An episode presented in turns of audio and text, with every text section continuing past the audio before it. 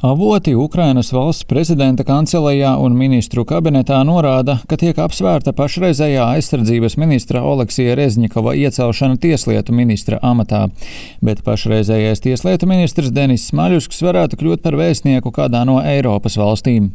Aizsardzības ministriju turpmāk varētu vadīt pašreizējais izlūkdienesta vadītājs Kirilo Budanovs, kurš pēc avotu teiktā gan nevēlas ieņemt šo amatu. Pats Resņikovs komentārā medijām Ukrainska pravda norādīja, ka nav bijušas runas, ka viņam būtu jāpārtrauc savas aktivitātes šajā amatā.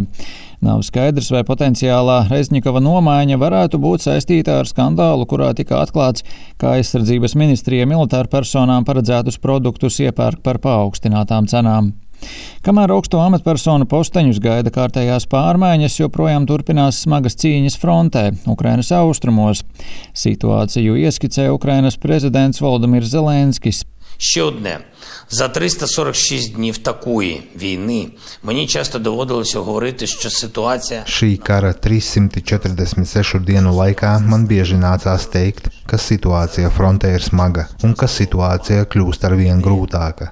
Tagad atkal ir tas laiks, laiks, kad okupanti met ar vien vairāk savus spēkus, lai salauztu mūsu aizsardzību. Tagad ļoti grūti ir Bahmutā, Vuhledarā, netālu no Limanas un citos virzienos, bet tagad, kā katru dienu no šīm 346 dienām, visu izšķir mūsu karavīru izturība, mūsu spēks. Runa nav par Krievijas centieniem un plāniem, runa ir par mūsu karavīru drosmi un apņēmību.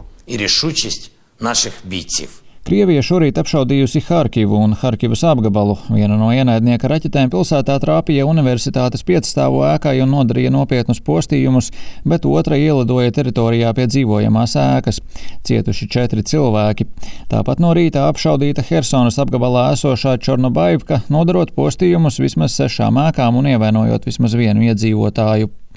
Ukraina joprojām cenšas nodrošināt ar vien jaunas ieroču piegādes no rietumiem, kā arī gaida jau apsolīto ieroču, tostarp tanku piegādes.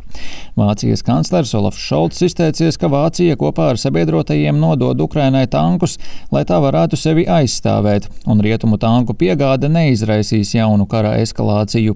Savukārt Ukrainas aizsardzības ministrs šodien apliecināja, ka Kīva neizmantos no rietumiem saņemtos tālas darbības rādījusa ieročus, lai dotu triecienus Krievijas teritorijai.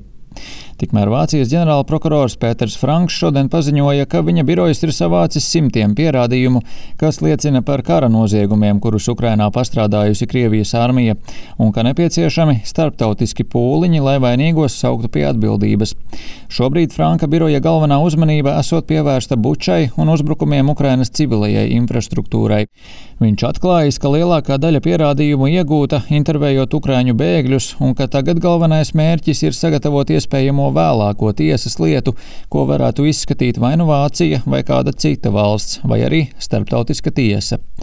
Rihards Plūme, Latvijas radio.